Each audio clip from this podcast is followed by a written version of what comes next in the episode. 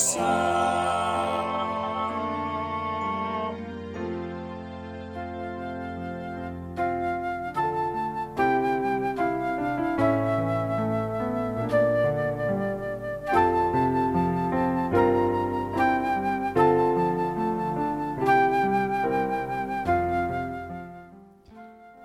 Harian HKBP Rawamangun, ikutlah aku.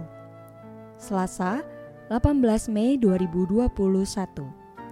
Dengan judul Memperoleh hikmat dari Tuhan daripada menjadi orang bodoh. Bacaan kita pagi ini tertulis dalam Bilangan 8 ayat 5 sampai 22.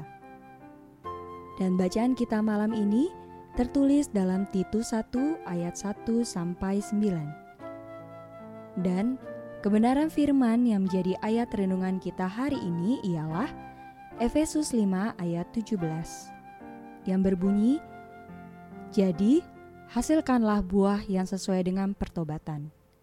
Demikianlah firman Tuhan. Di dalam menjalani kehidupan ini, sangat dibutuhkan hikmat dan kebijaksanaan di dalam Kristus.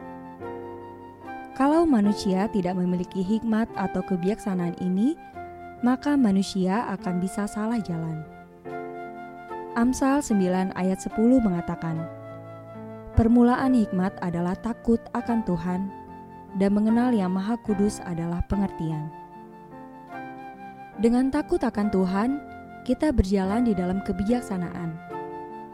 Hikmat yang dari Tuhan menolong kita untuk dapat selalu memperhatikan dengan seksama bagaimana kita hidup. Dengan hikmat yang dari Tuhan, maka kita akan mampu memperhatikan bagaimana kita hidup di hadapan Allah. Di tengah gereja, juga di tengah keluarga, bahkan terhadap sesama kita. Apakah kita sudah baik, kurang baik, atau tidak baik? Menjalani hidup ini juga perlu ada evaluasi, bahkan mungkin dapat menjadi suatu pembelajaran hidup agar hikmat yang dari Tuhan dapat mengajari kita untuk belajar dari pengalaman hidup agar bisa lebih baik lagi.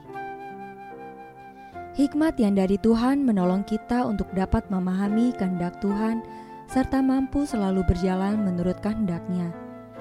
Itu makanya nats kita hari ini mengatakan, sebab itu janganlah kamu bodoh, tetapi usahakanlah supaya kamu mengerti kehendak Tuhan. Mari kita berdoa.